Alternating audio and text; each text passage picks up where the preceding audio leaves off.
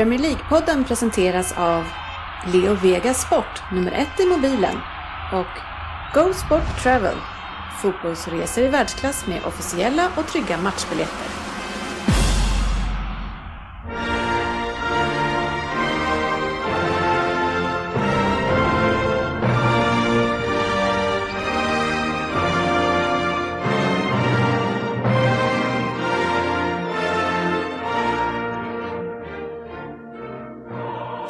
Är Premier League-podden, fansens egen podcast om Premier League.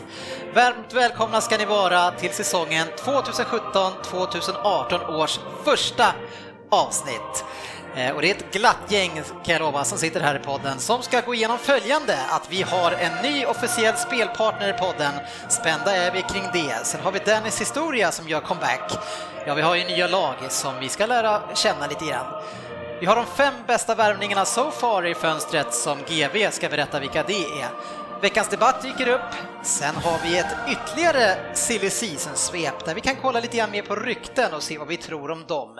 Lyssnarfrågor har vi självklart och avslutningsvis i det här avsnittet så har vi det som brukar ligga lite längre fram. Det är våran Vem där? och det är Ryn som kör den den här gången. Varmt välkomna ska ni vara till eh, podcasten där alla tror att de vet bäst, men trots att det inte är så, så njuter vi ju fortfarande av den här illusionen, trots att det är sommar, GV. Ja, det är väl härligt va? Med lite flipflops på fötterna och värme Ja, det, något. det blev ju en del ståhej hemma kan man ju säga, när jag sa att eh, nu har, har uppehållet slut, för min sambo undrar, men vad då? Eh, det är ju uppehåll. Ja, och det sa mina barn också. Måste du podda varje tisdag, sa hon. Men, men eh, jag har inte poddat på en månad nu, sa jag. Men eh, det hade de inte märkt. Eh, så, så var det med det. Så var det med det Rin. Ja, uppehållen blir kortare och kortare. Ja. Det gäller att hålla igång. Ser det som försäsong. Eh, Det är lite så. Nej, men vi, eh, vi gör ju lite specialavsnitt. Vi hade ett par sådana, två eller tre tror jag, förra säsongen också. Men de körde vi på Skype. Eh, Men nu samlas vi här innan vi alla ska sticka iväg till höger och vänster på semester och kör en liten silly season special.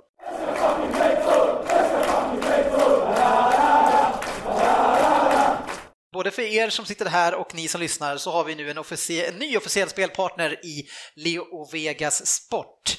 Eh, och för de som inte vet det så Leo är latinskt för eh, lejon och det är därför man har eh, lejon som en symbol.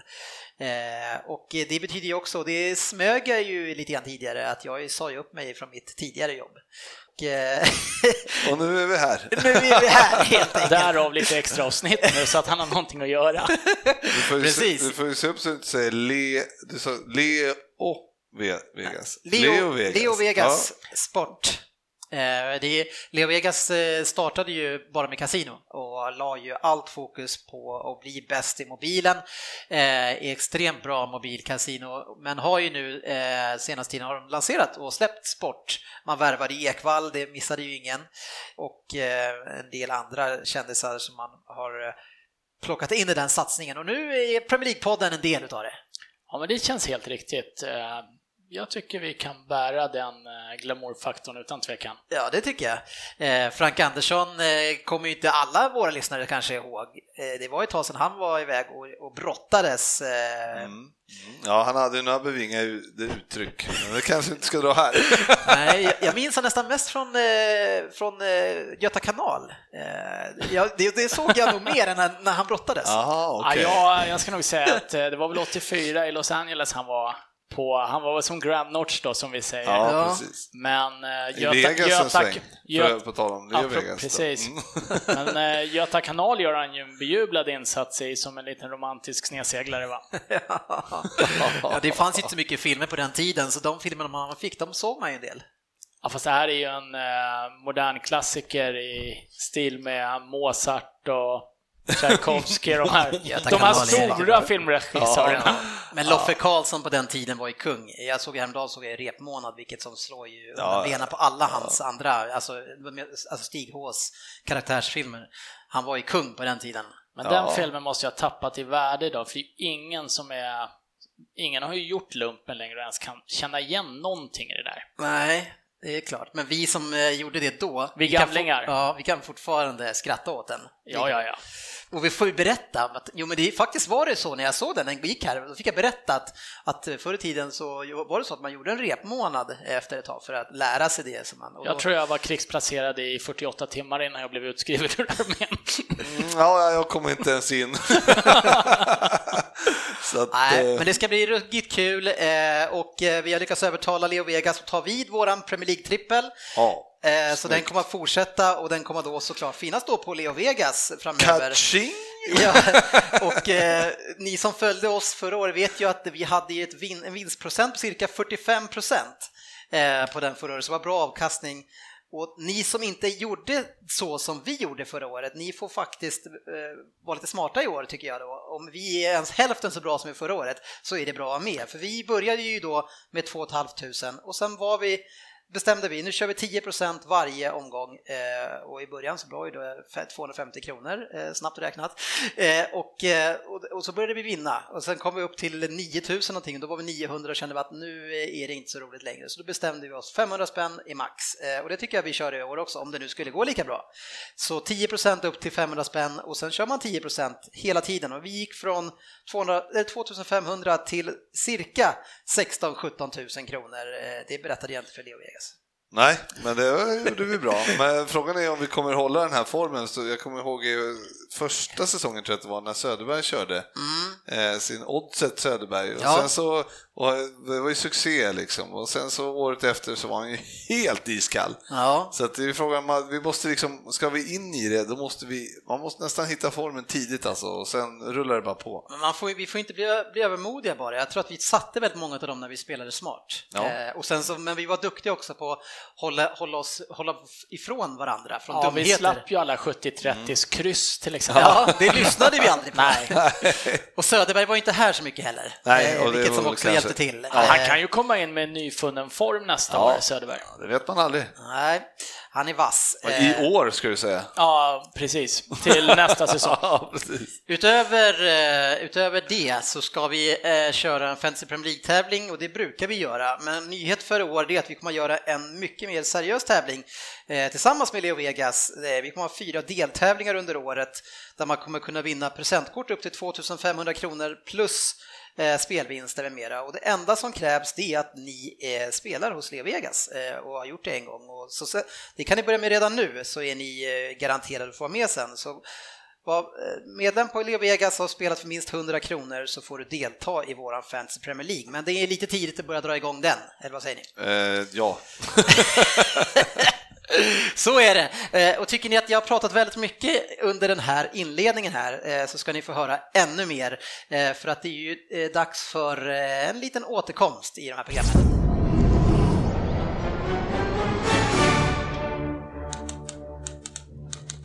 Dennis historia. Ja, det här är ju en, en anrik programpunkt eh, och den försvann väl lite kanske för att jag inte hittar andan till att prata så här mycket. Men vi gör ett försök.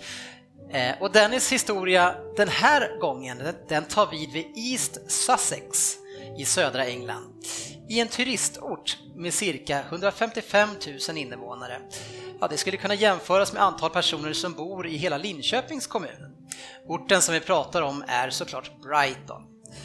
Laget Brighton heter egentligen Brighton and Hove Albi Albion FC och det beror på att Brighton som stad är ihopvuxen med den andra staden Hove. Eller Hove, eller Hove. Hove, tror jag de heter. Hove. Hove. Brighton and Hove Albion. Annars kanske det hade varit ett W kanske. Ja, ett U kanske. Språkgeni. Ja. Sedan 1997 delar de här i alla fall eh, en gemensam kommun.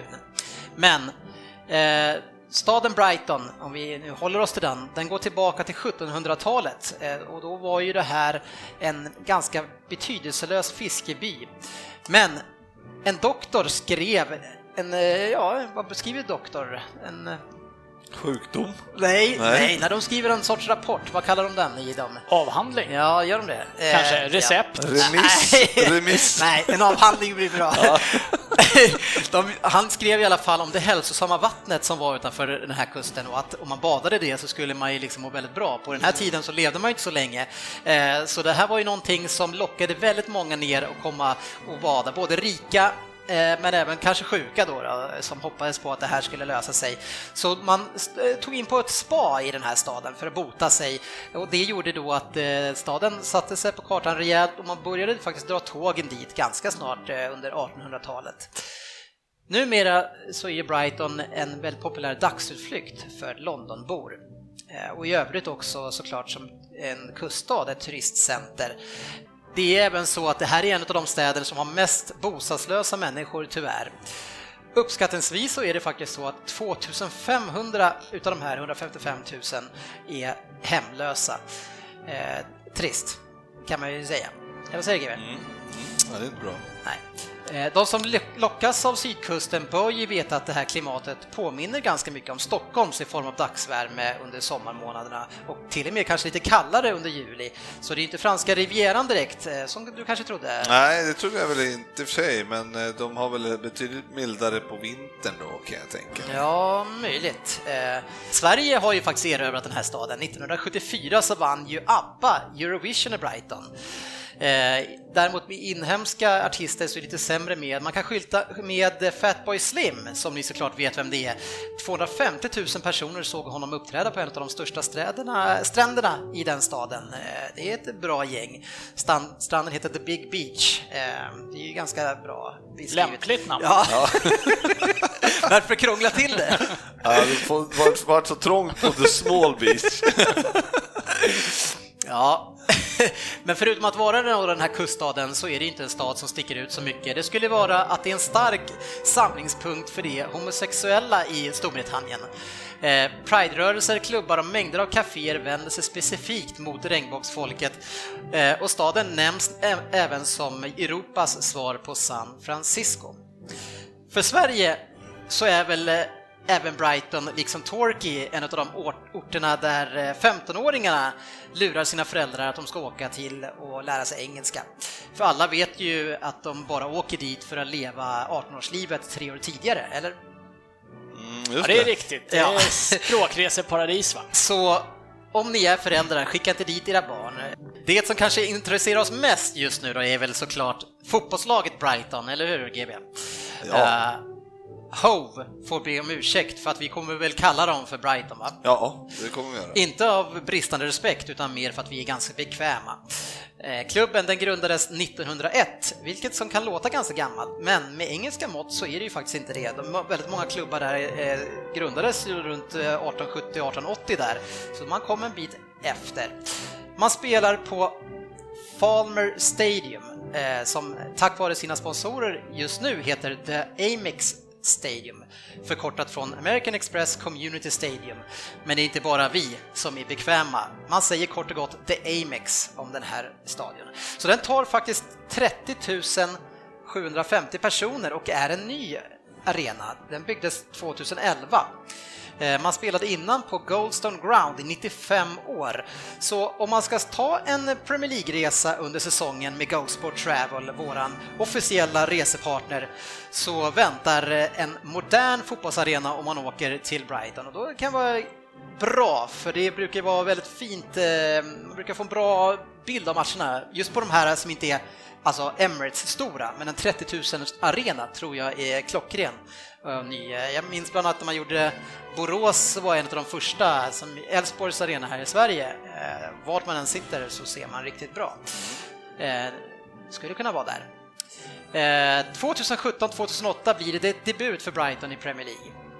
I prisskåpet ser jag en vinst som Crystal Palace skulle värdera väldigt högst, alltså Crystal Palace Svensson. För 1910 så vann man Charity Shield som det hette då. Wow. Man hade vunnit Southern Football League året innan och då fick man visst delta i den. Eh, mer än så tänker jag fördjupa mig i det. Man var senast i högsta divisionen 1983. Eh, då var det ju inte Premier League, men då blev man sist och åkte ut. Och man har varit upp och ner i seriesystemet eh, en hel del och eh, fjärde divisionen vid ett, fjärde, eh, vid ett eh, flertal tillfällen. Man spelar i blått och vitt och man har en fiskmås på klubbmärken och kallas därför för The Seagulls. Ja, för mig är fiskmåsen förknippad med lata forwards som inte jobbar hem utan helst står bakom backlinjen om det går och fiskar. Eh, I sporten innebandy till exempel, där stannar ju fiskmåsen ibland eh, ända uppe vid motståndarens målområde trots att man blir pressade på egen planhalva. Så jag vet inte vad ni säger, fiskmåsar, är det någonting som man skulle vilja bli kallad? Ja, man ligger precis vid stranden som de Men gör. gillar man fiskmåsar? Alltså det är väl ett, eh, det är ju inte världens trevligaste, mitt starkaste minne av en fiskmås eller en annan fågel, eftersom jag inte gillar fåglar generellt, är att den snodde en eh, grillkorv ur handen på mig en gång. Åh, fy fan. Ja, men det är därför, ja men de är ju väldigt Lite aggressiva. tjuvaktiga Ja, och skräniga. ja, precis, de är jobbiga. Är inte det ett eh, öknamn bland göteborgare för oss stockholmare dessutom? Fiskmåsar? Ja, skräniga och skräpa ner eller något sånt här. Det finns ganska mycket på stockholmare som också besöker andra städer. eller? Förmodligen. Men eh, jag tänkte på det, men de, om man innebandy står man väl och fiskar som du sa, man står inte och fiskmåsar direkt. Nej, man brukar ändå säga att man är en fiskmås. Alltså, är man? Okej. Ja, jag vet inte, Ja, ja. men du har ju rätt i det. Konstigt. Ja, Men eh, däremot kan jag berätta en helt annan grej, att om man eh, då utnyttjar ett hospitality-paket på arenan, då serveras det ju förstås fisk. Mås. Nej, inte fiskmås. ja, det hade varit något. Men det, jag såg Smaka att som eh, kyckling. Fisk var en, det tror jag att det kan vara deras specialitet där nere. Ja, okej. Mm, gott. Största rivalerna till eh, Brighton, vilka tror du det är? Det tror jag är eh, Southampton kanske? Nej, så är det inte, utan det är faktiskt Crystal Palace. Eh, Ja, men det är ju inte långt heller. nej, det är ju rätt. 40-50 minuter med tåg. Precis, men, så det skulle kunna vara ett eh, väldigt bra tips på en billig match och se antingen Crystal Palace mot Brighton eller tvärtom. Eh, Vi vet ju själva från vår upplevelse på Sellers Park att det är en riktigt bra atmosfär där. Ja, och Så då- sen det behöver inte vara svindyrt tror jag att se båda två. Alltså, Ja, möter de varandra så Crystal- får du ju Nej, se men- båda två. Det är helt Men man, om riktigt. man vill gå två matcher och, och man lyckas pricka in så att eh, Crystal Palace spelar ena dagen och eh, Brighton andra dagen så är det väldigt... Eh, Ja, ja, du menar så ja. Okej, emellan. okej. Men det var ju just att man skulle se dem möta varandra. ja, ja, om du menar att det var ett hett derby, Precis. men jag undrar om det verkligen är det. Alltså. Men nu, står nu, nu står det ju att det är deras största rivaler. i alla fall. Ja, ja, ja, absolut. Så vi kan väl tro att det är... Ja, det tror jag absolut vi kan Kanske säga. är, ja, vi vet Men ju väldigt sidan- lite om Brighton. Det kanske är ett jäkla hat mot just Crystal Palace. Ja, där. det kan det ju vara. Men å andra sidan vet vi inte om Dennis har rätt i de här, allt han säger. Så att... Ja, då, facit. Eh, eh, kollar vi efter kända spelare som har spelat tidigare i Brighton så hittar vi ju stornamn som Sami Hyppie, det gillar ju du. Eh, och Ga- Gas Poyet, och där tar det slut. Eh, Ja. Jag hittar faktiskt nästan ingenting som är intressant eh, i, i man ser bakåt, men man har ju heller inte varit i Premier League. Man har ju hållit sig i de andra divisionerna. Eh, säsongen 2016-2017 så kom man tvåa efter att året innan redan varit nära för uppflyttning. Man kom ju efter Newcastle och den bästa målskytten känner vi igen från Premier League. Det är Glenn Murray eh, som är faktiskt en vass målskytt och eh, ger alla försvar problem. Han är en jäkla bra drag, riktig tank i straffområdet, eh, så det är svår. Men han blir ju 34 år nu i september så man bör ju faktiskt ersätta honom rätt snart. Eh, han har ju spelat i Brighton i två sessioner och gjort 77 mål på 156 matcher där, eh, så det är inte så tokigt. Jag förstår att de plockade tillbaka honom. En annan väldigt tongivande spelare förra säsongen var ytten Anthony Patrick Knockart, eh, någonting. Han är fransman så det är nog inte alls i närheten av det där.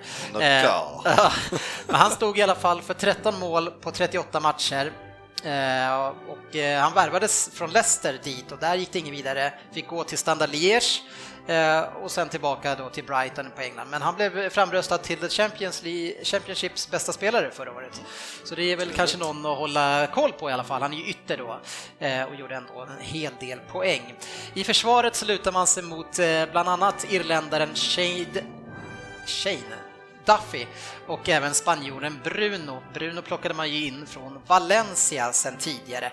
Eh, på mitten eh, vet jag inte om man är så glad, men där hittar man Steve Sidwell som dyker upp hela tiden i nya sammanhang. Jag tror att han har varit i Stoke, i Fulham, ja, jäkla massa klubbar. Det är väl dags för honom att lägga ner nu. Det är väl ingen som man vill se riktigt. Fyllde 35 år i december eh, och vi får väl se. Ja, det är väl dumt att lägga ner nu när man en ny säsong i Premier League. Jag förstår att han vill lira, men jag vill, för våran skull, men eh, det är väl inte så Hur gammal är Zlatan? Jo, jo, men vadå, ska du jämföra underhållning med Steve Sidwell och Zlatan? Sidwell är en skittråkig spelare. Han kan spela i, i West Nu Bromwich. har ju inte alla 7,5 miljarder att köpa spelare för. Ja, ja. Jag tycker att det är... Innan fönstret öppnas. Jag tycker det är svårt att se i alla fall hur det här laget ska kunna överleva Premier League, men nu har ju fönstret bara öppnat och som vi säger, miljonerna rullar in här i Premier League. Eh, och, men det som talar lite grann för dem ändå nu då, det är ju att de har varit stabila ganska länge nu i, i, i The Championship som är ju en tuff liga.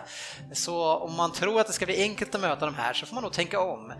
Förra säsongen så höll man nollan på hemmaplan hela 12 gånger, vilket som var fem gånger mer än Newcastle som vann ligan. Så eh, tränaren Chris Hewton tror jag man säger. Han känner vi igen, han hade i Norwich 12 till 14. Eh, han har så många andra rattat Newcastle under 2000-talet också. Eh, vart spelade han som ytterback eh, i 13 år, Ryn? Han spelade i Tottenham och har väl även varit assisterande tränare i Tottenham om jag inte är helt fel underrättad. 77 till 90 spelade han där. Hur laget ser ut inför premiären får vi se. Eh, jag tycker ju faktiskt att det är lite roligare om de klassiska storlagen i den här ligan. Jag är inte jätteglad för Brighton där. Burnley, Hull, det här laget. Jag tycker att de kan vara the Championship, men där tycker vi lite olika Ryn, du och jag. Jag ser ju hellre Aston Villa och till exempel Leeds i högsta ligan. Ja, du gör ju det. Ja. Eh, Jag tycker det är kul att det poppar upp nya lag. Eh, Det kom väl något nytt där, City 2008 någon gång som lyckades etablera sig, det var ju kul.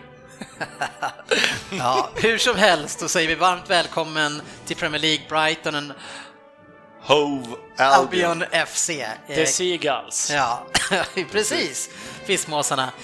Härligt och välkomna. Ja, Ja, nej men det är väl härligt och sen som sagt det är ju en perfekt eh, utflykt från eh, London eller Gatwick eller om man vill åka ner lite. Ja. Det ska vara fint, vackert, ha en fin pir, man kan gå ut på och njuta av havet och sådär. Så att ja runt 30-40 minuter. Ja, du. ja, 30 tror jag att det var med tåg från Gatwick. Så det Jag har ett bra. svagt minne av att det har spelats in någon eh, svensk, vi pratade lite om svensk film här innan. eh, Och nu ser och det har ut som att det är... inte spelats in eh, någon eh, film med typ Reine Brynolfsson, Sista dansen eller något så här, ja, ute så på det någon pir och de kastar ner. Mm, kan Eventuellt, vara, kan vara. det kan vara Reine de kastar ner. känd. Är det Black Jack eller är det Sista dansen eller något sånt Nej, där? inte Black Jack, den Nej. är ju i Gävle, för där brinner ju bocken. Ja, okej. Om de inte har en egen bock i Men du har ju Brighton. rätt, för att det, de är ju kända för det, alltså de här kusterna är kända för lite pirer. och ballroom dancing. Ja, men de här, just de här som du pratar om, pirerna som går långt ut i vattnet, de är de ju kända för. De har några stycken sådana stora. Ja, det var en som är speciellt. Som Det är Big. Nöjesfält.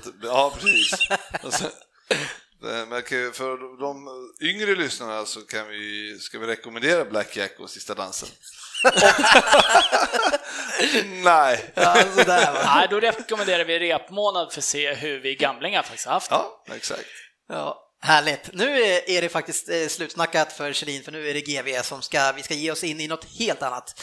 Eh, och det kommer här.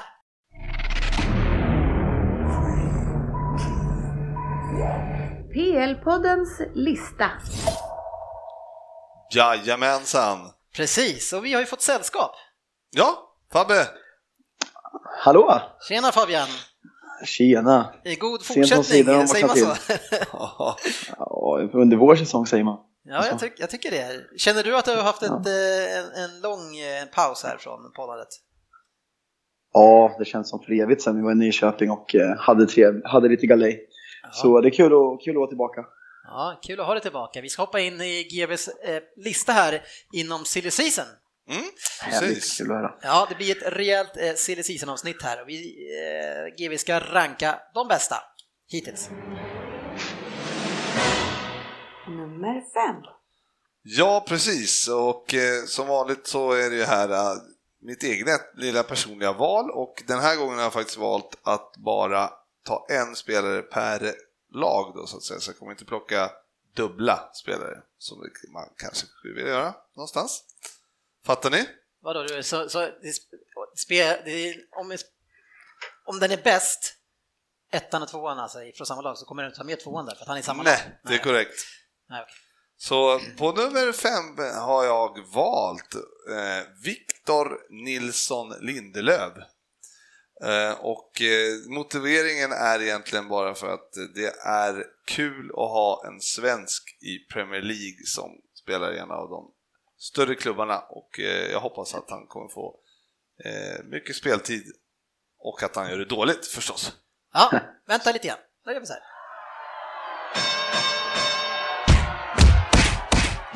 Veckans debatt. Ja, det här var en programpunkt som skulle finnas med och nu kapar vi eh, GVs programpunkt eh, för vi ska ha en debatt just på det här ämnet i det här avsnittet. Eh, just som gäller Victor Nilsson Lindelöf eftersom det är, vi har fått en ny svensk och det är en spännande diskussion. Så veckans debatt som vi ska köra nu är frågan är värvningen av Victor Nilsson Lindelöf tillräckligt bra för Uniteds titelambitioner? Fabian? Ja. Rin? Ja. Eh, nej, tyvärr inte. GV? Ja. Och jag säger nej. Eh, då har vi 50-50 i den här diskussionen. Vi börjar med eh, GV. Du säger alltså att han, den här är tillräckligt bra för att den matchar Uniteds titelambitioner. Ja, det tycker jag verkligen. Jag tycker att de behöver en kille som honom som eh, har en bra eh, passningsfot och eh, förhoppningsvis kan eh, hålla en stabilitet. Och han har ändå fått lite rutin, är lite ändå... Eh, han är ung men han har fortfarande god utveckling i sig också så jag tror att det kan eh, passa dem eh, jättebra faktiskt. Mm. Fabian, du tycker också att det här är en eh, värvning som gör er till titelkandidat? Alltså jag tycker inte kanske just i värvningen gör oss till titelkandidat men du sa att den kan göra United till titelkandidat och det tror jag absolut. Marknaden är ju ganska horribel på framförallt mittbackar just för tillfället. Och vad Lindelöf har gjort i Benfica och svenska landslaget de senaste två åren så ser jag det som en väldigt spännande värvning som jag tror kan bli väldigt bra för oss. Och sen är det klart man är lite färgad när man är svensk och går till mitt favoritlag. Ja, men då har vi två nej-sägare här. Eh, jag kan börja Rin, ursäkta. Eh, men jag, min fråga till dig eh, är då Fabian, det blir ju, vem är det som leder backlinjen i United? För, men ni behöver ju en hänförare i en backlinje som leder det här laget. Vem är det som styr backlinjen? Ja, men den är ju utvecklingsbar i potential med Bajy och eh, Lindelöf som Fast först, ni, kommer inte, framtida ni har ju inte val. flera år på er med, med Mourinho, det måste hända nästa år. Så nu vi Ja, pratar om men- nästa, det här kommande året som kommer nu, vem är det som leder backlinjen? Det är Bajy. En skadefri Bajy som gjorde en fantastisk första säsong i England sett efter förutsättningarna. Och han kommer ta ännu ett kliv nästa år och komplettera den väldigt fint med vår svenska vän från Västerås, Ja, men jag, jag håller med där, för att, eh, men, men samtidigt, jag tycker ju att det- frågeställningen var när du säger att, att bara att det skulle vara bara Victor alltså var, att VNL skulle komma in och eh, göra så att de tog titeln, det är väl lite blåögt att säga så, för att de, de behöver ju andra spelare också. Absolut. Men, eh, men eh, det är ju en eh, kille som eh, kommer, eh, är på god väg så att säga. Ja men det håller ju inte riktigt. Eh, för jag Ja men det är på god Bajy- väg att är förstärka sina, sin mittbacks, eh, mittbacks, eh, vad heter det, mittbacksparet med Mm. Bajy och eh, eh, Lindelöf kommer ju, tror jag, kommer, Men jag, men jag har ju, anledningen till att jag absolut inte tror på det här, det är att jag, jag ser ju inte var, hur Bajy ska vara, var, ska, varför skulle han helt plötsligt bli en kompani som styr det där? Jag har inte sett några sådana egenskaper från honom under säsongen som var nu. Du får in en Lindelöf som också bara är liksom en, en, liksom en, en sidekick till någon annan om vi ser på granen i landslaget. Han är, han är ju hans sidekick och gör nästan ingenting, spelar bara lätta passningen hela tiden. Eh, varför skulle de, eller det där helt plötsligt fungera med Bailly, att han skulle styra? Ja, vad är det du ser med Bailly, Att han kommer att bli en, en ledare i backlinjen? Jag ser honom som en ledare, alltså han, eh, jag tror han är född 94, samma år som Lindahl Nilsson, alltså han fyller 23 år i år och gör sin första säsong i Premier League. Kommit, aldrig pratat engelska och liksom han har tagit kliv som ledare redan under första året. Jag ser en extrem utvecklingspotential och som jag ser Lindelöf så absolut inte bara en parhäst till Granqvist, kanske för att Granqvist är mer klumpig och hafsig med bollen och Lindelöf känns som den här lena killen bredvid som får rädda upp det, men jag tror att de kommer komplettera varandra väldigt bra. Sen är det klart man är lite hoppfull nu på sill season. Jag klagar alltid att jag är så jävla bitter, så nu, nu låter jag positiv och eh, glad för en gångs skull. Ja, men det är fel tillfälle. Ja, eh, ett så hoppas jag att det kommer gå bra för Lindelöf, för det är kul när det går bra för svenska spelare generellt. Eh, Jag tror att det är en jättebra värvning för United i 75% av matcherna, där United kommer föra spelet och alltså vad, vad det offensivt lagda laget. Han har en bra fot. Däremot så det, jag har inte sett honom hysteriskt mycket ska jag säga. Det är landslaget och lite Champions League-matcher, men jag tycker inte han har varit fantastisk när han väl har satts på prov i Champions League tyvärr och jag är inte säker på att han klarar av riktigt att hålla stången mot topplagen i Premier League. Ja, men där tycker jag du har lite fel, för att jag menar, Åh, fan. ja, de har ju den eh, absolut mest defensivt eh, inriktade coachen på, ja, av topp 7 eller topp 6. Så att eh, de har ju, han har ju en fördel i och med att jag tycker United släppte ju inte jättemycket mål eh, för säsongen, så det de hade varit problem var ju att avgöra matcherna. Så att de, eh, det, det var ju mer så att eh, hade de, det var väl kanske målskyttet som, som de var dåliga på. Ja, alltså, absolut, så jag men- tror att Mourinho kan, ju, kan nog göra eh, det ännu stabilare och eh, så, sen om de får in någon till framåt så tror jag att de, då har Och de det ju är, stor där jag inte, det är ju där jag ser att eh, Lindelöf kommer kanske kunna lyfta United ännu mer i de matcherna där de är spelförande, men när de hamnar lite under press, även om de må vara ett defensivt inriktat lag, precis eller som du säger, så tror jag inte att hans styrka tycker jag inte främst ligger i defensiven, utan att den ligger i att han är en spelande mittback, vilket naturligtvis innefattar Jo. defensiven också. Men jag ser inte honom som den som lyfter undan Diego Costa när han står i straffområdet och fäller ut en arm. Eh, där tror jag inte att det är lika stor skillnad. Däremot tror jag han kommer vara jättenyttig 75% Ja, men av matcherna i ja, övrigt. Ja, men det förstår jag, men de sista 25 procenten när de möter topplagen, där, då stänger ju Mourinho matcherna helt. Så att, eh, och då blir det nästan bara kryss i de där matcherna. Då, det, det vart ju 0-0, 1-1 mot Liverpool och liksom, så att eh, där stänger han ju de matcherna. Så att säga att det kanske är 10% i slutet som man kanske eh, inte passar i av matcherna och då är ju 90-10, det är ju 100. 100. det är 100 totalt. Ja, vad säger du Dennis? Nej, Håller men du jag, med mig? Nej. Eh, Va? Men alltså, jag hoppas ju såklart att det går bra för honom. Eh, men jag, jag tror att han sätter sig i en jäkla jobbig situation när han kommer in i backlinjen där mycket oklart. Går det dåligt ett tag, då finns det alldeles för många backuper, Phil Jones och de här människorna som kommer in och så blir det, om Smalling fortfarande är kvar, det, det, är, det är ett jobbigt läge för han kommer in. För jag, jag har inte sett den här, den här spelande mittbacken, jag har bara sett han står och rullar i backlinjen. Jag har inte, sett han under press slå de här smarta uppspelen eh, när alltså verkligen motståndaren kliver på. När Tottenham eller Liverpool eller City kommer i full jäkla spruta och ska ta och sätta press. Jag ser inte han som den personen då som löser upp det, vilket som till exempel en David Luiz gör, som vi kommer prata om någon som är duktig med, med, med fötterna och, och duktig spelare. Vad sa vi om honom? Vad sa vi om honom för ett år sedan då? Ja, men där, där hade vi ju en annan tanke på att han inte skulle hålla defensivt, men det löste ju Conte med att han spelade trebackslinje, alltså tre mittbackar eh, och, och alltså supportade upp honom. Ja, men Mourinho, eh, han kommer inte få den supporten eh, Mourinho, är det du säger? Ja, Jag tror att de spelar med två stycken mittbackar, det är han och Bailly och jag kan inte se vem av dem som är tillräckligt eh, ruttad och tillräckligt dominant som en kompani till exempel för att leda en backlinje som ska kunna vinna Premier League. Nej.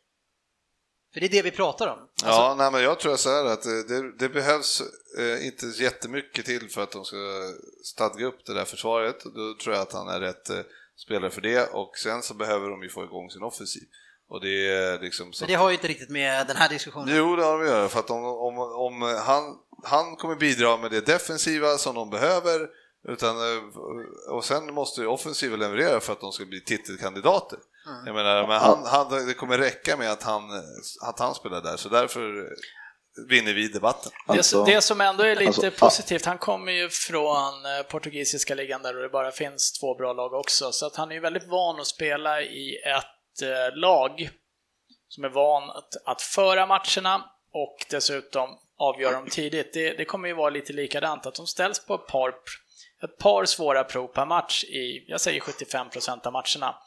För eh, de sista 25, det är öppna matcher mot topp 6-lagen.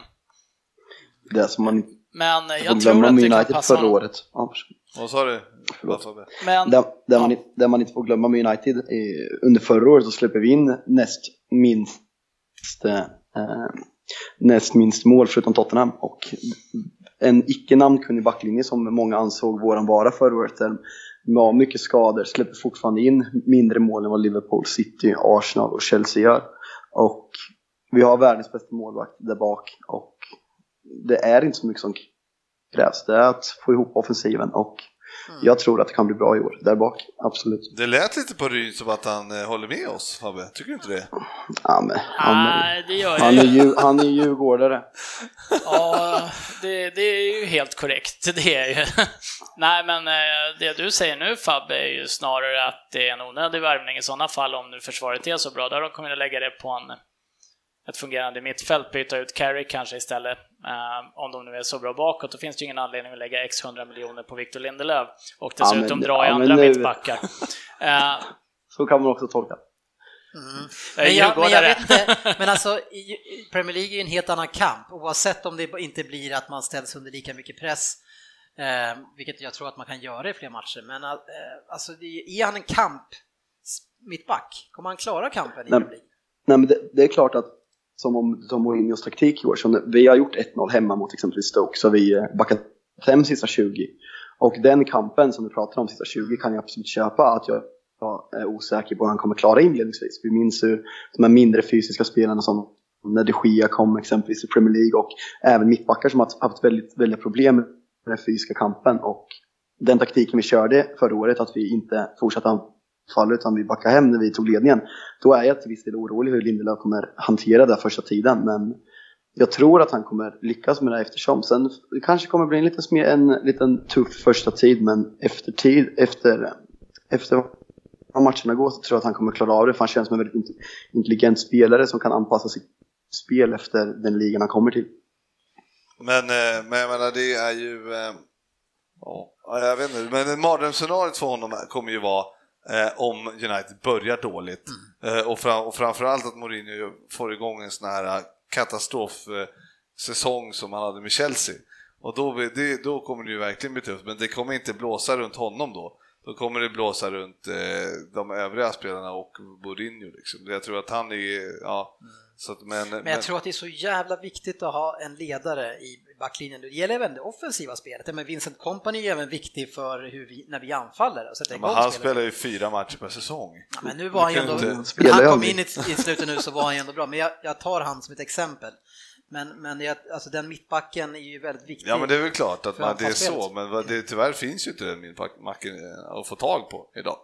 Nej men det må vara så, men diskussionen handlar ju mer om att han är tillräckligt bra då som, för att man ska kunna vinna Premier League. Ja, Jag håller med Fabbe där att jag tror att Bajik kommer ta ett steg framåt och, eh, och eh, då eh, kommer även han höja sig, eller bli- bättre Så det är. Bajy som ska leda backlinjen helt enkelt. Alltså. Det tror jag. Ja, alright, då lämnar vi debatten. Vem vem vann? Ja, det var ju tveksamt. Är det lika eller? Det var, det, ja, lika. Alltså, båda har Det var väl inte rätt. lika överlägsen som, som när vi fick med oss 70-30 på avslutningen. Ja, det var kul. Ja, det är den största kovändningen genom tiderna. Ja, nu kör vi nummer fyra på Frippes lista. Nummer fyra. Mm, och då har jag eh, valt eh, eh, att få ta en coach faktiskt. Mm. Och det är eh, Frank de Boer Mhm. till Crystal Palace. All right. Eh, och det motiverar jag med att eh, Crystal Palace som eh, hade det struligt med Pardew förra året och sen kom ju Big Sam in och hjälpte till för att greja till det men eh, Crystal Palace har en trupp för topp 10 eh, och de, nu, ja, de kom väl inte så långt ifrån ändå men de var ing, det var ingen bra säsong Nej. och jag tror att Frank de Boer kan eh, få till det där. Varför det? Vad vet du om Frank de Boer som tränare? Nej, men jag vet att han är en disciplinerad och eh, bra tränare. Vad, vad har han, hur har han... Men eh, vad fan. Men du säger att han är topp fyra på din lista, då måste du ju veta någonting om Ja, men honom. jag vet att Ja, han men det bra. kan nog vara bra, om, om han är en typisk holländsk tränare så um, premierar de ju spelande fotboll och det finns ju en hel del killar som kan lira boll i laget så det kan nog bli rätt spännande att se. Jag sitter just nu och funderar på vad den andra, ja jag vill inte säga van Gaal. Eh, Jag sitter just och funderar på vad hans brorsa hette, jag kommer inte på Ronald. det. Ronald. Ronald var det. Vem var det som var bäst i fotboll av dem? Frank. Det var Frank. Han, hade Ja. ganska miss, han misslyckades i Inter va? Eh, sen innan det så var han i Ajax i sex år. Eh, jag vet inte riktigt hur han... Ja, men alltså, jag, Misstänk, jag, jag misstänker Wikipedia här va?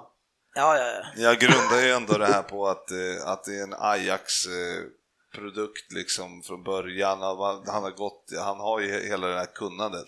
Och jag tror att det är, jag tror, jag tror han kommer passa in De är i... ju ett 4-3-3-lag. Eh, Ja. det har, de har ju spelat väldigt mycket så. Eh, framförallt när de hade Sa- Zaha och, eh, och Bolasi. Ja, men och sen om du tittar på dem...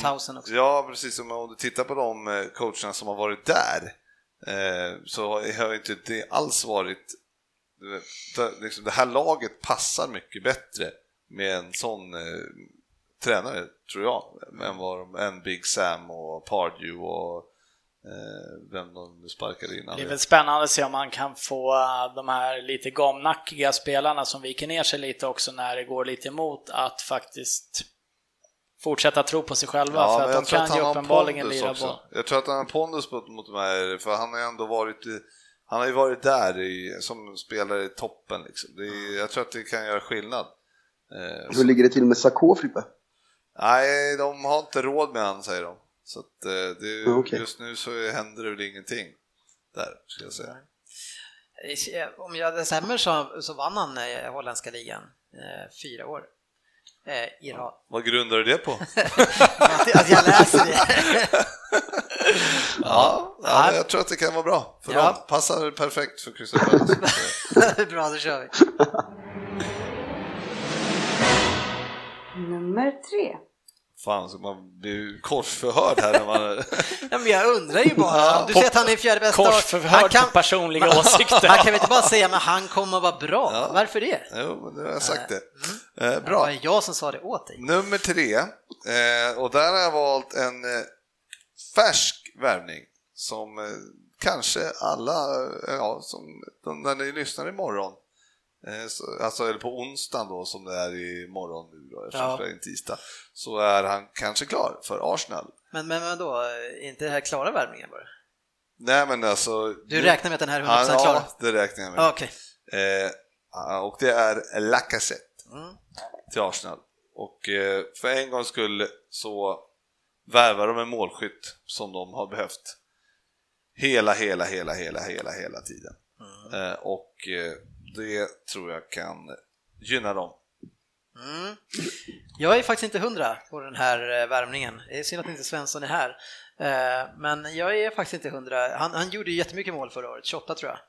Eh, det var hans bästa säsong. Men det jag har sett av honom är att han är rätt bra teknisk, hyfsad avslutare, men jag, han har inte riktigt steget.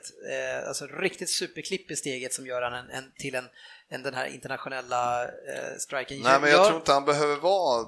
Alltså, jag tror att de bara, bara behöver ha snäppet bättre än eh, det de har nu. Mm. Och för att eh, liksom höja sig. Och det är ju eh, Lacazette som kommer göra det. Ja, alltså absolut. Jag tror, men om de skulle ha fått in en Mbappé, alltså, det hade ju varit en, en, en fantastisk spelare för dem. Absolut. För där kan man snacka, han har ju ett internationellt löpsteg, kommer med någonting helt men, annat. Ja, men å andra sidan, Mbappé, ja, ja han eh, gjorde en kanonsäsong. Mm. Eh, men eh, ung och eh, jag vet inte, alltså det är klart han är bra, jag säger inte att han är dålig, men jag, han är ändå ung, o, inte, men- relativt oprövad. Lacazette har ju under en längre period eh, Levererat, levererat, ja. också, det ska man inte glömma. Däremot, Fast i franska ligan. ja det är franska ligan, men eh, det är ju exakt samma liga som Mbappé spelar i i sådana fall Ja. då. Men, Jo, jo, men nu har vi sett han i Ja, Champions League ja. leverera rejält. ja, absolut. Eh, Men eh, Man får Ja. inte glömma att Mbappé inte, alltså han var ju inte ordinarie ens Precis. till början. Så att det Nej, det så han, men, men, men där, där ser Här man ju, han har ju det internationella klippet i steget. Han Men jag har har en fråga om Lacazette och det är varför spelar han inte i franska landslaget? Är det någon Giroud quiz? startar ju, så det är en komisk värvning. Ja, ja, ja jo, men det, det var lite dit jag ville komma. Eh, Jag kan för lite om eh, men Lacazette eh, på jag tänkte om sättet. någon visste om det var någon schism med coachen eller om det var något sånt här. Nej, men jag, För han har ju vunnit skytteligan frånsett ska jag bara Zlatan-åren där. spekulera, men det var Han har spelat att var 11, skadad 11 någonting landskamper har med ett mål. Eh, spelade väldigt mycket eh, U20, U21, eh, ja, hela vägen ner till U6, U16. Så, ja. Och det är väl ingen direkt ersättare till Giroud om man tittar i spelstil, för det här är väl en relativt liten kille också va? Mm. Han är 1,75 ja. Eh, gjort 100 mål på 203 matcher i Lyon sedan 2010. Men jag tycker han känns lite som en eh, San Sanchez light. Ja, det tycker jag också. Men jag, jag, jag vet inte tusan alltså om det är, Det är klart att det är bättre än Giroud, men hur, hur bra gör han Arsenal? Ja, men det jag menar är att de har ju behövt 10 mål till. Och det tror jag han bidrar med. Och där kommer, så att eh, det förvånar mig inte om han ligger på en 20 20-25 kassar i alla fall i år. Ja, det kommer förvåna mig om han gör så många. Men, 2025 är mycket Ja, men Och, 20 ah, då? Är han, är han bara tredje bästa värvningen om man gör 25? Det ska bli kul att höra om Ja, men fall. 20 då, säger jag. Men fem, ja, okej. ja, men vadå, han är ändå målskytt. Jag menar, som en sån som Mané gjorde väl 13-14, vad fan, som är från en kant. Jag menar, då måste man kunna begära att en, eh, en dyr värvning som han kommer, måste göra 20 kassar. Ja, 15 till 20, ja. Eh, men ja, vi får se. Eh, Jag är inte övertygad om det, men det beror ju väldigt mycket på vad som händer med Arsenal i övrigt också. Man får behålla Sanchez till exempel. Absolut. Nummer två. Och där var jag ju då tvungen att sätta Salah. Mohamed Salah. Som har gått till Liverpool.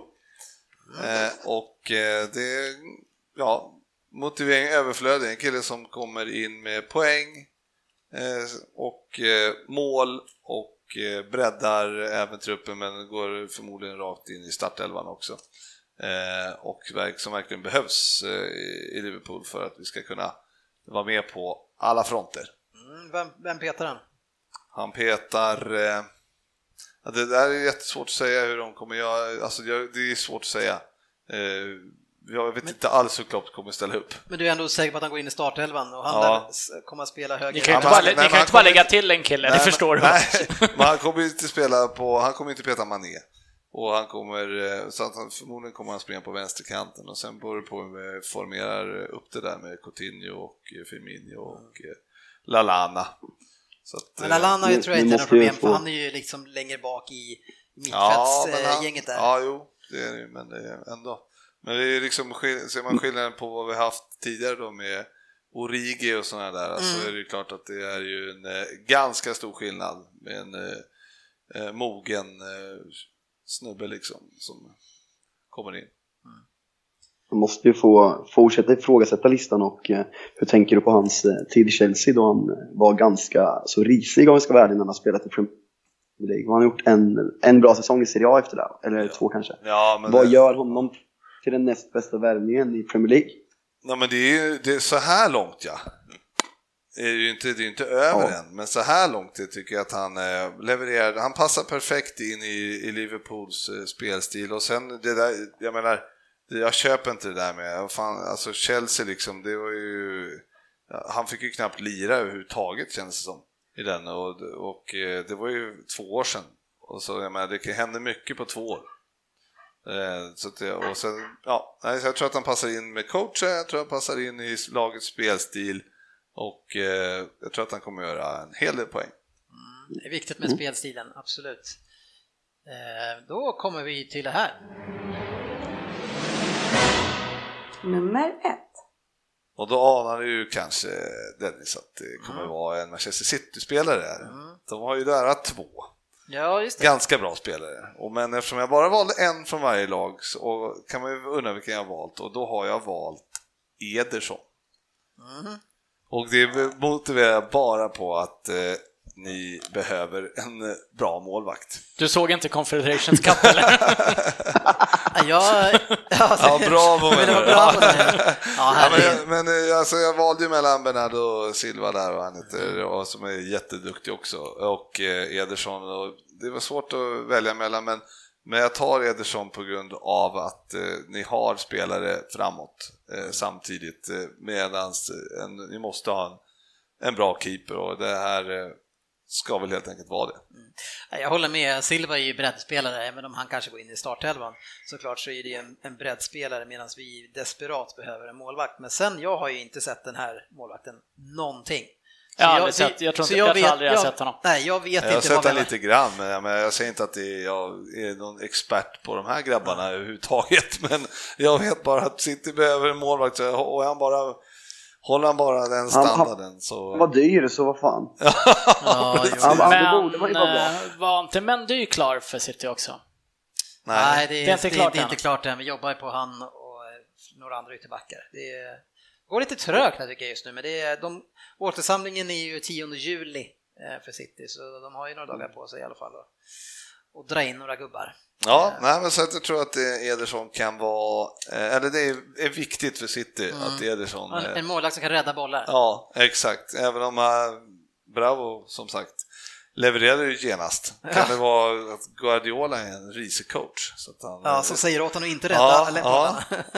han kanske inte fick den hjälpen. Nej, jag vet inte. Eh, nej, jag orkar inte Bravo. alltså. Det, Ja, men vad tyckte ni om det där då? ja, det, du fick ingen mothugg så. Vadå, ska du ha en stående ovation? Det är väl, det är väl fem eh, bra värvningar. Eh, tveksamt om man ska med en som inte är klar och en coach kanske, men Everton har gjort ett par bra värvningar tycker jag vi ändå ska nämna också. Ja, vi Och kommer in även till dem. Bo- jag väntar. Ja, eh, och vi, vi har valt ut några lag och några värvningar som jag tycker att vi ska ta upp och vi har även lyssnarfrågor och det kanske kommer vi kommer att täcka här nu. Så vi börjar med det som du sa första två stavelserna på där, Bournemouth, eh, som har gjort ett spännande fönster med Begovic, Defoe och Ake är tillbaka. Ryn, ordet är ditt. Ja, det, det är faktiskt det är ju tre riktigt bra värvningar för Bournemouth, utan tvekan. Eh, vet jag inte, han var väl polack han som stod där förra året, Borut. Ja, han har varit Boru- där, han varit där sen de kom upp på eh, lite halvrisig. Ja, Alltså. lite fet nästan, eh, om jag minns rätt. Eh, men eh, Begovic är en bra målvakt. Eh, Defoe håller ju definitivt toppklass som striker i den här ligan. Åtminstone ett år till, där kan man väl diskutera treårskontraktet. Men eh, du, det var väl du och jag som pratade om det, va Frippe? De signar ett treårskontrakt med honom och så släpper de honom efter två år när han är färdig, så får han lite pengar och en testimonial. Kanske en uppvärmningstrissa. Schysst att få en testimonial efter två år egentligen. Det är Ja, ja, men eh, vad fan, jag läste idag att David. Beckham hamnade i PSGs Hall of Fame efter 14 matcher. Ja, då är man känd alltså. han, han, han, han ser lite bättre ut än Defoe. Så det kan vara Säg rätt. inte det. Men, och sen eh, Acke såg vi ju själva där att eh, det är en riktigt bra spelare som verkade passa väldigt bra in i Bournemouth också. Ja, värva smart tycker jag. Begovic är jättebra också. Jag tror att det här är bra värvningar som man kan hamna mellan ja, 8 och, Ja, och men det är 14. 8, 8 10 skulle jag säga. 8-14. Ja, 8 14, det var en hygglig gardering. Alltså. Ja, men Ja, det- Ja, vi men- vet ju, det skiljer två poäng mellan 8 och 14 sist, så även Ja. om du tog massa poäng nu, så hade du ju nu tur. spelade ju Acke åtminstone drygt halva säsongen med Bournemouth förra året också, gjorde det väldigt bra, så de får en spelare som de vet vad han går för och han kan klubben. Mm. Och eh, Defoe och eh, Begovic är ju, det är ju lyft in i laget, så det är ju två riktigt bra värvningar tycker jag. Bego- Begovic eh, tar mig från Chelsea, han har suttit på bänken där ett par år och istället plockar ju Chelsea in Willy Caballero från Manchester City Eh, och det är ju bara fantastiskt att de gör det tycker jag, för han är en riktigt risig målis alltså. Det är, han är duktig på straffar. Ja, igen. men jag menar hur ofta byts det målvakt? Det är ju Men, det, väldigt men sällan. eh, Begovic eh, fick ju spela en del liksom, det blev en skada här och var, alltså det kan vara viktiga poäng alltså. Ja. Men du får in en rutinerad målvakt som du, du vet vad du får. Jag... En dålig målis helt enkelt får. Ja, okej. Ja, han stod ju Everton. en hel del i City förra säsongen. för. Ja, jag vet, han är Han var, ju, risig. han, han, men han var ju inte sämre än Bravo. Nej, men det säger väl ingenting. Nej, det gör det i och för sig Men inte. men nu, nu har ju City liksom Ederson, Bravo och Hart. Men hur ska de, eh, det är ju bra bredd om någon blir Ja, skadad. men Hart eh, verkar vara på väg mot eh, Newcastle, så Okej. eh, han är på väg bort. Eh, Everton, de har ju värvat mycket i alla fall. De har tagit in Pickford, Klassen, eh, Markelo, Onyekuro, eh, Sandro Ramirez och, och senast nu nyligen Michael Kane eh, från Burnley. Riktigt aktivt fönster alltså. Keane heter han va? Kane. Ja, Kane. Robbie Kane. Robbie Kane, ja. Roy, Roy, Roy Kane. Kane. ja, det var Har du det. sett Tottenhams forward Harry Keane? Ja, fan. Jag tror jag saknat det här, det är mycket hugg alltså. Ja, ja, men jag är ju, alltså det är riktigt första avsnitt för mig, alltså jag läser så krattigt så det är helt sjukt alltså. Eh, Det är bara, jag får bara lägga mig ner och ta det. Eh, Men, men vad ska vi säga sammanfattningsvis, de är, de är, han värvar väldigt mycket, han vill göra om hela laget alltså. Ja, men det behöver ju Everton lite också. Uh, Keane såg jag ett par gånger förra året. Mm. Tyckte han såg eh, bra ut. Eh, jag trodde kanske att United skulle ha gått efter honom istället för Lindelöf. med tanke på att det är en britt också. Eh, och en gammal, i det fallet en gammal United-produkt också. Men eh, han fick ju debutera i landslaget. Det är en, eh, en mittback som uppenbarligen håller i Premier League. Bra värvning. Eh, Klasen från Ajax Det var tror jag mycket var på. väl lagkapten där. Ja, jag tror Får en holländsk tränare i Koman också. Säkerligen ingen dum med det. Det kommer bli fattigt i Everton om de inte säljer Lukaku nu dock. Fast på andra sidan, de har ju bara bränt det, inte ens det som man får i TV-pengar än så länge, så de ligger plus Ja. minus noll. Ja, nej men sen är det väl också så att, eh, men jag tror Everton, eh, de har gjort det de har kunnat och tagit de här eh, strax under toppskiktet liksom så, så att jag tycker det är, ja, det är bra, bra värvningar rakt av. Känns som smarta värvningar. Målvaktssidan vet jag inte eh, fall de behövde förstärka egentligen. Jag hade ingen uppfattning av att det var en katastrofposition för Everton. Nej, men Pickford är, det är väl också lite investering där i att ta en ung eh, keeper och Som dessutom vill eh, lämna Sunderland. Ja, ja, Ja, precis. Precis. Nej, men det är spännande att se hur de eh, fortsätter och hur de formerar det här laget. eh, det ja, det, så får vi se med Lukaku om han eh, nu ska till Chelsea, eller vad Ja, han ska göra. ja, precis. Det Men känns vi har lite grann som det. Vi har ju två, Pellegrino har ju kommit tillbaks också till Southampton. Mm. Din gamla vapendragare. Fast det är ju inte han. Det är inte han. samma Det är Pellegrini. Pellegrini, Nej! apropå, apropå Nej! Klipp! Klipp! Jag var, jag var helt säker att det var det. Nej, det här är Pellegrino. Ja, fan, vad var han innan då? Ja, det är... Nej, då, då glömmer jag det. Men ja, en annan som jag vet, det var att eh, Marco Silva, eh, som var i Hall, va?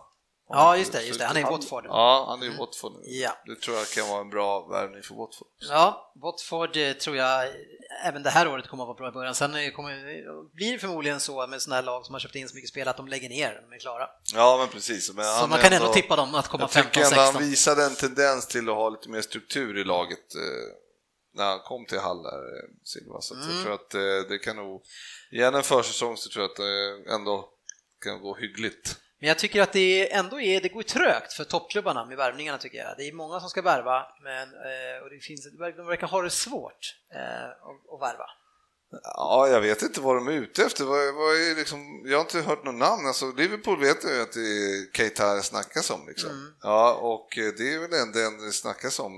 Men sen är det inte så mycket mer snack faktiskt alls. Och United det vet jag inte alls och Tottenham hör jag inte heller Det mycket om. snackas väl om allt med United. Morata och Matic ryktas ju extremt nära Ja, United. precis. Så Morata, de den, väntas den verkar klara, ju bli de klar i alla väntas bli fall. klara båda två.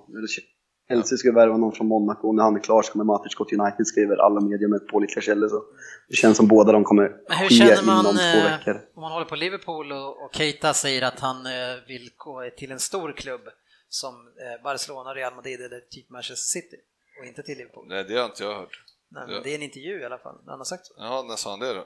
Ja, på, det ett par veckor sedan. Ja, jag jag la men upp det i ja, våran det, chatt. Det har ju varit närmare mera snack om att han eh, vill komma till Liverpool. Nu senaste dagarna. Ja, det är konstigt när han sa Fast det. där har väl... Eh, Ja, men när blev Manchester City en stor klubb då? Nej, det, han, det jag, säger, jag säger väl ingenting, det Aha, är Keita som okej, säger att han vill helst Ah. gå till en stor klubb som inte är då Liverpool. Ja, sa han att jag vill inte gå till Liverpool? Sa han? Nej, han vill, skulle vilja gå till Barcelona, han- Real Madrid, en stor klubb som de, eller Manchester City. Så han, han, okej, han radade bara upp tre klubbar som Ja. han ville gå till, ingen annan? Stora klubbar, ja. Eh, okej. Ja, Ja, jag har missat det helt, Ja, men eh, det spelar inte så stor roll. Däremot har väl eh, ordföranden i Red Bull där sagt att eh, ni behöver inte ens komma med bud för vi Nej. säljer inte. nej, och han har väl några stålar. Ja, Red Bull eh, har väl lite i bankvalvet så att de står väl inte och faller med det här. Men jag tror inte heller att den kommer, jag tror att det är mycket snack om, eller det är mycket snack om det och det är, men, och det värsta är att, eller det som är, eller bästa kanske man säger, att när, när det är mycket snack om Liverpools värvningar så brukar det faktiskt stämma. Så att eh, det är inte omöjligt att det kommer, att han kommer ändå. Men eh, Det är en spelare typ ni behöver. ja, det är det ju, absolut. Så att, Vad är det för spelartyp? För mig som inte kollar på Bundesliga. Box to box. Tvåvägs med lite mer fokus på. Henderson mycket, typ. Mycket poäng. Nej, ja, men mer poäng eh, spelare fram. Han skulle nog spela framför Henderson, eh, skulle Okej. jag säga. Känns inte alls som vad ni behöver tycker jag. Jo, Behöver en men- mittback. En mittback. Men, mycket eh, kvalitet Ja, men det behöver vi också. Men, eh, men, eh, Men nog dyker van Dijk upp där till slut ändå. Ni betalar 100 Nej, miljoner extra som sveda, sveda och nej, värk. det tror inte jag att han gör. Men eh, vi behöver, skulle ju haft en mittback, men samtidigt är det så, vi pratade om det med Sacco där, att eh, eh vi har en eh, mittback, alltså han är ju egentligen rätt bra. Så att kan, kan de bara begrava den här fejden, eh, då, då, då, har vi ändå en kille som kan spela, tycker jag. Så, Sacco så, så att jag vet inte, ja, med tanke på marknaden, det är ju van Dijk eller ingen som jag ser som vi kan, alltså då kan vi lika gärna behålla Sacco för jag ser ingen annan som är direkt är bättre. Så. Och sen så var det snack om en vänsterytter då, men det verkar inte hända ett skit där. Men det är ju långt kvar så det är inte det. Men det är i alla fall, ja. Spendera pengar eh, gör ni i alla fall. Ja, men eh, ja, det är, inte tre, jättemycket. Det är tre klubbar i Premier Leagues historia som har spenderat över en biljon och det är Chelsea, det är Manchester City och det är Liverpool. Eh, och det är en av dem som aldrig har vunnit Premier League. Ja, Nej, men så är det Men vi har ju inte spenderat så jävla bra, så är det ju. Men eh, det är ju samtidigt så att vi har eh, Sista åren har vi inte fått behållit eh, de bästa spelarna eftersom vi inte har levererat.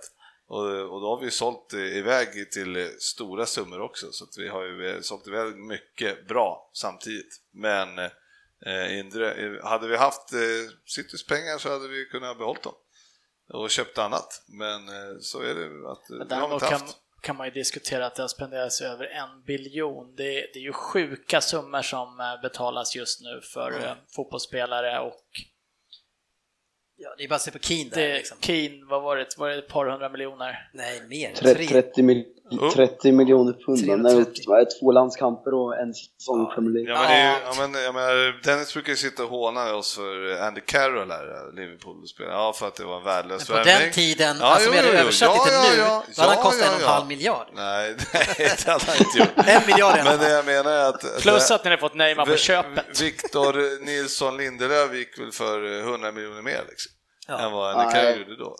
Mindre. Lindelöf kostar 30,6 och Andy Carroll kostar 35. Ja, okej, okej. Ja, ja. Men, ja, det är i alla fall uppåt. Vi kan, vi kan nog fortfarande håna dig för den. Ja. ja, men Nej, oavsett ja. om vi ska hacka på Andy Carroll-värvningar eller inte, det, det är ju sjukt eh, vart den här marknaden tar vägen egentligen alltså. Ja, men... men det, det, är ju så att pengarna B, finns ju. Det där är ju BNP i princip ja. vilket mindre land som helst i Afrika. Alltså. Jo, men, men jag menar... Jag kommer jag kom ihåg för jag, jag kommer ihåg för typ, är det åtta år sedan när vi värvade Berbatov på deadline day och snodde honom för City och vi betalade 30 miljoner pund. Dyraste värvningen i Uniteds historia och då var det liksom helt sjukt nu senaste tre åren. Det är Luxor 30 miljoner, det är Herrera 30 miljoner, Bajy 30 miljoner, Lindelöf 30 miljoner, Pogba 90 miljoner. Jag kan sitta och fortsätta, det är helt det är liksom spårat ur totalt. Men äh, apropå det här med Andy Carroll och den lilla fejden här mellan Facit och GV så var det ju faktiskt en rolig grej på Twitter. Det var ju, det var 30 år sedan, Gary Lineker skrev på för Tottenham. Så var det någon som hade kommenterat, undrar vad han skulle kosta idag? Då hade Gary Lineker själv svarat, about 12 pounds, I'm 56 years old. Ja, men nej, men då, då, ni, Dennis kan hålla mig för Carol, jag gillade ju honom oavsett, så det spelar ingen roll så. Nej, inte dig. Det gillar jag verkligen inte. Men någon nej, som men, man men, inte heller, men, vi släpper det där Nej, nu. nej, nej, jag ska bara säga en ja. sak till. Att det är ju vi som betalar spelarna. Det är, så det är, ju, det är, det är ju vi som sitter och gladeligen betalar eh, de här uh, tv-pengarna. Så att, vad fan, det är ju liksom är vi som står och det är, det är därför marknaden skenar. För att eh, de drar in så mycket pengar från oss. Så att jag menar, det är inte... Ja, och eh, det var... Det, om en spelare kostar 20 miljoner för tre år sedan och så har tv-avtalet dubblats. Ja, det är väl klart, då ska han ju vara värd 40 miljoner nu. Alltså det är inte svårt. Är, Sen, inflationen är ju så. Det är Carroll idag värd en miljard alltså? Eh, nej, för han är lite äldre nu och spelar i West Ham. Ja, ja. En spelare som eh, kanske ingen vill ha, eh, jag vet inte, kanske Everton, det är Wayne Rooney. Vad ska det bli med Wayne Rooney? Jag tycker han borde åka till USA. Ja, men nu vill vi Nej, höra vad det blir av honom. Vad, vad, kommer han försvinna? Det ryktas ju faktiskt inte jättemycket. När säsongen slutade så kändes det ju liksom eh, spikat att han skulle försvinna. Nu verkar det som att det har hänt något med Kina, jag vet inte, jag har riktigt, inte riktigt tänkt med, men att de inte kan värva lika mycket och ge lika mycket löner. Så det finns ju inte jättemånga klubbar. Han verkar vara extremt extremt greedy om man inte, om man inte kan gå ner i lön för att gå till Everton. Liksom han, Han har tjänat 3 miljon, 300 000 pund i veckan i fem år och sen ganska mycket där innan också. Så pengar är inga problem, så om inte han kan gå ner i lön för att gå till vad han säger är klubben i sitt hjärta. Fast pengar är inga problem. Då är han ju en Alltså, värre, män, ja, men då är en värre människa än vi alla trodde. Jo, men det är, det är ju alla de här människorna som tjänar så hutlösa pengar och ändå ska de gömma undan Ja pengar. men, det är ju märk- ja, men det är märkligt när man ändå börjar bli passé liksom. Då kan man väl gå tillbaks till Everton och spela där. Jag förstår inte, alltså fan att de är, alltså liksom, han ju få någon slags, eh, ja, alltså vara omtyckt liksom. Jag förstår inte varför man inte kan bara göra det. Och på det där Kina Fabbe, det är ju, var ju presidenten eller vad han heter, eller diktatorn, eller vad han är, i Kina. Han gick ut och sa att eh, ni ska fan inte bränna pengar på på utländska spelare. Bränn inte en och en halv miljard på massa utländska spelare när ni, utan vi, måste, vi ska bli bättre i landet. Och Okej. därför så, eh, så han uppmanade alla kinesiska klubbar att hålla lite i cashen helt enkelt och satsa på sina Mm. egna spelare. Så, det var, så var det med det. Ja men, ja, men det känns ju lite med Rooney. Gör, gör det själv rättvisa. Gå till USA, lev livet i Los Angeles eller åk till Everton och gå ner i lön. För som läget är just nu, och vi kommer förmodligen värva Morata, vi kanske även kommer värva en ytter. Han kommer, han kommer inte närmare startelvan än förra året och förra året var han nära startelvan i andra halvan av säsongen.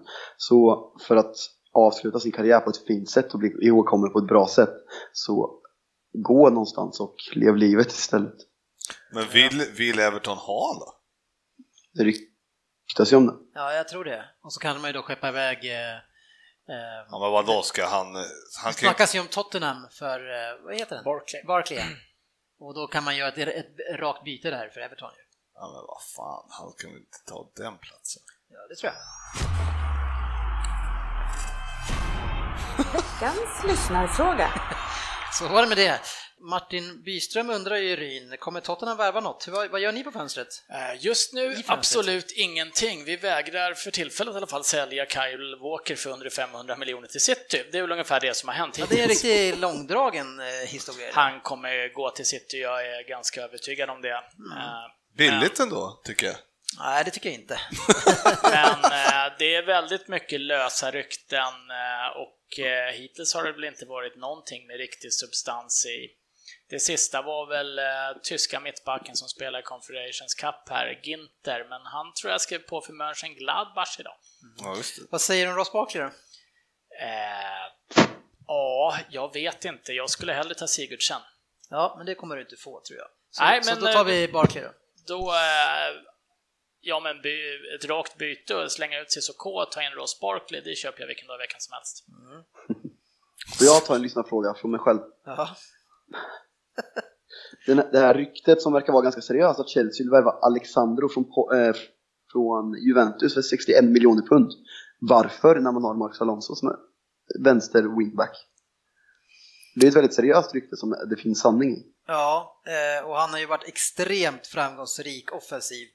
Eh, Ja, men men Alonso har ju varit- jo, men han har varit bra. Men det, vi har ju ganska låga krav på honom också. Eh, han har varit bra, men inte så här sprudlande bra offensiv, men bra. Liksom. Men, men nu pratar vi om den som varit bäst i hela Serie A. Jo, fast det är väl kanske inte den. Jag, jag förstår inte att slänga så liksom 700-800 miljoner svenska på en wingback Men behöver när man har Ja. kanske ligans bästa vänsterback redan. Ja, det beror ju på om han... Danny Rose lirar väl i Tottenham? Precis. Precis, Mo- Moreno spelar väl i Liverpool? Eh, nej men eh, de, de, de, jag vet inte alls om den spelaren riktigt, jag kan inte så mycket om honom, men eh, jag menar bara att de behöver ju ändå bredda Chelsea. Eh, på, och han kanske kan spela på andra positioner, vad vet jag. Conte kanske har något annat eh, i, i eh, Bakfickan. trollerilådan. Ja, jag tvivlar inte. Jag ville bara vädra mina tankar lite. Sen har vi Rolf Jonsson som svarar på vad vi vill vinna med i veckans program. Vet ej, hoppas det är bra. Speedway ikväll på TV10 hörs. Rolf, då håller vi på, på Dackarna ikväll. Uh, Yesin Sirak, eh, han är Mahrez, han har vi inte pratat om. Eh, Det är ju, sägs ju att han är på väg att bli klar för Arsenal. Eh, och eh, det, det tror jag är en jättespännande värvning. Det är en bra värvning. Det, det, han kommer höja... Mahrez. Mahrez. Mahrez. Mahrez. Från Mahrez. Leicester. Ja, Jaha, jaha. Eh, med. ja, Och eh, jag, jag tror jag menar, men vad är det nu då, Jerry? Jag tror jag, jag behöver se han mer. jag har sett han i två säsonger nu. Ja, nej, men jag vet inte om han verkligen passar Arsenal. Eh, Han är ju perfekta Arsenal-spelaren. Han är, och så, tänk om man skulle få behålla Sanchez på ena kanten så har du nästan lika bra, lika typ av spelare på andra kanten. Det blir ju skitjobbigt att möta dem. Men då måste de nästan eh, skeppa Özil i sådana fall, för annars blir det eh, för tunt, tror Det jag blir mer faktiskt. tvåvägs. Men då Det- kan de, de hade ju, när de gick in, körde 3-5-2 istället, så blev det ju en helt annan eh, dynamik på mitten. Eh, Och Ramsey till exempel blev en helt annan djupledsspelare och som sliter åt båda hållen. Ja, men ska du ha, eh, vad heter det, Mahrez som wing- som wingback. då, eller? Jag är Nej, men tveksam hur, men hur man nu gör det. Men jag menar Men bara- det, det är en bra men- värvning om de får honom, utan tvekan. Det är en jätteduktig fotbollsspelare. Ja, Jag, jag- jag, jag tycker att- mer att det är roligt eh, att se vad han kan åstadkomma i en bättre klubb. Alltså det är väl mer så att med bättre, kanske bättre omgivning. Det, det tycker jag är mer roligt. Sen, eh, det, menar, han hade en säsong när han var eh, sjukt, sjukt bra. Allt stämde. Mm. Förra säsongen var han ju inte i närheten. Eh, och så det är mer intressant att se om han kan nå upp tillbaks till det som det var. Men jag kan inte sitta här och säga att det, han kommer passa perfekt. Det är för tidigt. Alltså det måste man. Ja, jag, jag, jag vågar säga att han kommer vara perfekt där och jag tror att när han får vara ett lag där inte alla styr sitt försvar mot en person eh, och jag menar skulle eh, som en Sanchez vara på andra sidan, jag menar, vem, då kan du inte hålla på och dubbla och trippla på en sån spelare. Nej, men hoppas, hoppas han går dit och floppar. Ja, det kan man Hoppas, göra. hoppas. Och så ska jag skriva upp den här Men det är ändå tiden. lite mysigt med en spelare Fabbe, du ska se leendet på GB när han säger det här.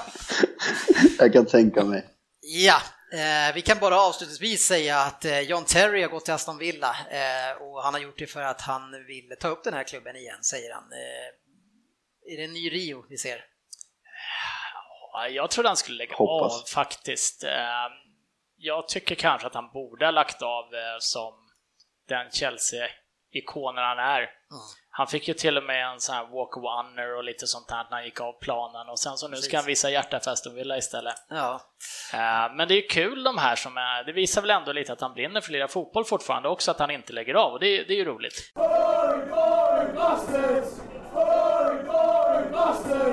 Där eh, drar vi igen Silly och nu är det dags att avsluta avsnittet med Vem där? Eh, som Ryn ska göra och vi har ju mer regerande mästaren än på tråden. Jag måste, mitt, mitt snitt måste hängas på väggen nästan. Ja, men det är, så länge vi inte har sett det, egentligen säger vi att vi har inte sett det, alltså har det inte hänt på riktigt. Då snittar jag 20 om det bara räknas när ni har sett det.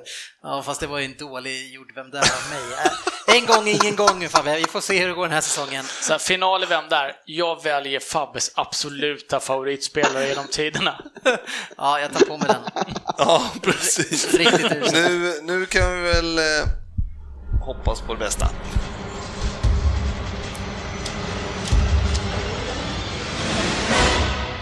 Vem där? 10 poäng. Premier League-podden. Kul att ni bjuder in mig, även om det är säsongsuppehåll just nu. Eh, Men jag är inte bitter. Kul att vara med och kanske passar jag nu i silly season-tider. Att byta klubb hyggligt ofta passade ju mig. Jag har ju hunnit med ett antal klubbar under mina år, även om jag kanske idag inte direkt förknippas med klubbar som Celtic, Leicester eller Manchester United där jag faktiskt varit. 48 år har jag hunnit bli sedan jag föddes i Leicester. Eh, I Leicester alltså, inte på den gröna ön som kanske många tror. Så 48 år, en aktningsvärd ålder. Fotbollen tar fortfarande en del tid. Lite BBC, lite kommenterande blev det efter karriären. Men framförallt har jag sedan jag slutade spela kunnat fokusera på mitt andra stora intresse. Trummor. Jag är en väldigt duktig amatörtrummis idag och har faktiskt även hunnit med att uppfinna ett eget instrument. En trumma såklart. Känner ni till The Tube så känner ni antagligen till mig. Nej, det gör vi inte. Nej, inte än. Det är ett sjukt fult instrument kan jag berätta sen, men Det är bara att börja googla nu Fabbe. åtta poäng. Fotbollen då? Det är ju den jag är mest känd för trots allt. Och nu har jag hunnit med en del sedan karriären började som mittback. Men spela i försvaret var ju inte så jätteroligt. Jag ville upp i planen. Redan som relativt ung hamnade jag därefter i anfallet och där firade jag ju mina största triumfer. Jag har faktiskt vunnit skytteligan i Premier League. Inte helt själv. Jag delade segern med Michael Owen och Chris Sutton. Lite rolig kuriosa kring det är att jag vann med det lägsta antalet mål för en skytteligasegrare genom tiderna. Ja, Michael Owen vann ju en gång till på ett lika lågt resultat. 18 mål. Och hur tusan kan han då ha fått rykte om att vara en sån målskytt? 18 kassar var ju inte dödssvårt att peta in.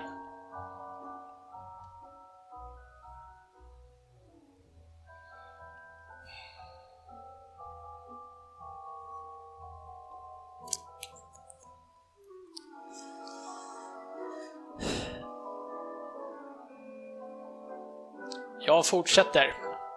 6 poäng. Mm. Jag nämnde ju inledningsvis några klubbar jag varit i. Men 92, efter att Sir Alex sett mig i en cupmatch betalade han en miljon pund för mig. Undrar vad jag skulle ha kostat om jag var ute på marknaden idag. Homegrown och målskydd. Jag borde ha varit dyr. Det blev bara två år i Manchester United och totalt bara 12 matcher. Till stora delar gick jag skadad efter ett benbrott dock. När jag väl hade återhämtat mig så fanns en viss herr Cantona i klubben och mina dagar var snart räknade. Från United gick jag då direkt till den klubben som jag kanske förknippas mest med idag. Och det var i den ljusblåa tröjan som jag var mest framgångsrik. Ett lag som då satte offensiven främst och med spelare som John Salako, Gary McAllister och Darren Huckabee som sällskap är det lätt att lyckas.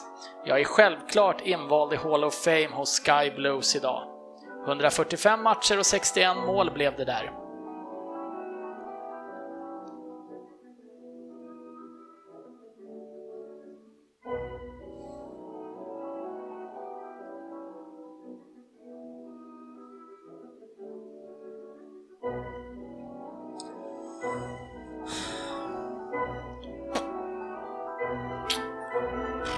Jag tänker fortsätta. Fyra poäng. Sky Blues, Coventry alltså. Där var jag i fyra år. Och innan resan gick vidare till Birmingham och Villa Park 1998. Jag fortsatte göra mål och 1998 var jag till och med uttagen i landslaget. Där blev det fyra matcher men inga mål. Men nog måste det ändå sägas att det restes några ögonbryn när jag inte blev uttagen till VM-truppen det året. Tydligen ansågs jag inte bra, bra nog och Hoddle van, valde att satsa på Shearer, Owen, Sheringham och Les Ferdinand framför mig. Kanske skulle jag redan då satsa på musiken. Ja, det var ju lite tidigt. Eh, efter några klubb... Det blev några klubbyten till innan jag la karriären på hyllan. Dock hade jag aldrig spelat på andra sidan Irländska sjön. Där hade jag ju onekligen passat bra in.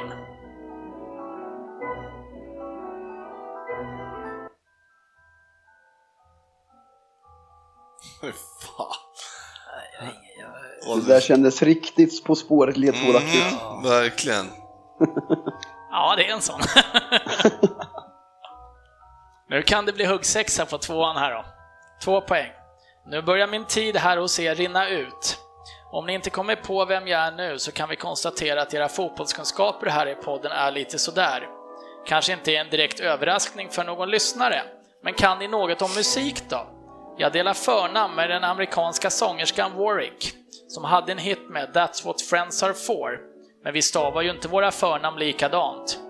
Och på, visst, på ett visst sätt så hör jag ju definitivt hemma på Irland. Ja, jag har fan rätt. Ja, ja nu satt jag uh, Jävla skit. Dion Dublin. Dion Dublin. Åh. Ja, men det där var Oj, ju vad svårt. oerhört svårt. Alltså. Ja, men han är ju Leicester där ja. Va? Och då visste du att han... Okej. Coventry. Dennis, Dennis kan allt om Leicester, har ni glömt det? Ja, men han lirade i Coventry och inte i Leicester. Jo, jo, jo. Han var ju då, Just ja. det, han var ju han, var i ju, du, han hade ju spelat i, han var ju för Leicester sa han han spelade spelat i Leicester. ett kort tag i Leicester. Ja, men det kan ju inte du ha kommit ihåg. Du såg ju inte ens fotboll Jag då. har läst mycket om Leicester. Och Dion Dublin. Nej. Och Brighton. Men var inte han i Aston Villa? Jo, jag Ja, sa ju att han var va? på Villa ja, Park. precis. Ja, just det, så var det. Ja, den var svår tycker jag. Dion Dublin är ju ingen person som eh, följer med en i tankarna så mycket va? Ja, Han är ju faktiskt med i Match of the Day på BBC när du säger. Jag satt och tänkte på varenda pandit i den där studion men jag kom inte på honom. Nej. Ja, du rusade ju inte iväg. Det var inte, det var inte så att snittet började jättehögt i år. Den enda Nej. som jublar över det här är 70-30. Han är inte avhängd än. Nej, precis. Precis. Men, eh, men du Fabbe, noll. Det är ett nytt, Ja. nytt snitt i år. Jag kan rekommendera alla att googla upp hans egna trumma, The Dube, D-U-B-E. Det är alltså någon jävla låda som han sitter och trummar på. Det, det ser ut som att han har tagit en kartong och sagt att han har uppfunnit ett instrument. Ja, det är snyggt. Spännande. Ja, Ja, det eh, med det stänger vi igen butiken. Ni vet att vi har oss på facebook.com Premier League-podden. In där och diskutera det som händer i ligan. Eh, Och så gör vi väl så. eh, Det här är lite specialavsnitt. Våran riktiga säsong, den börjar ju någon gång i augusti.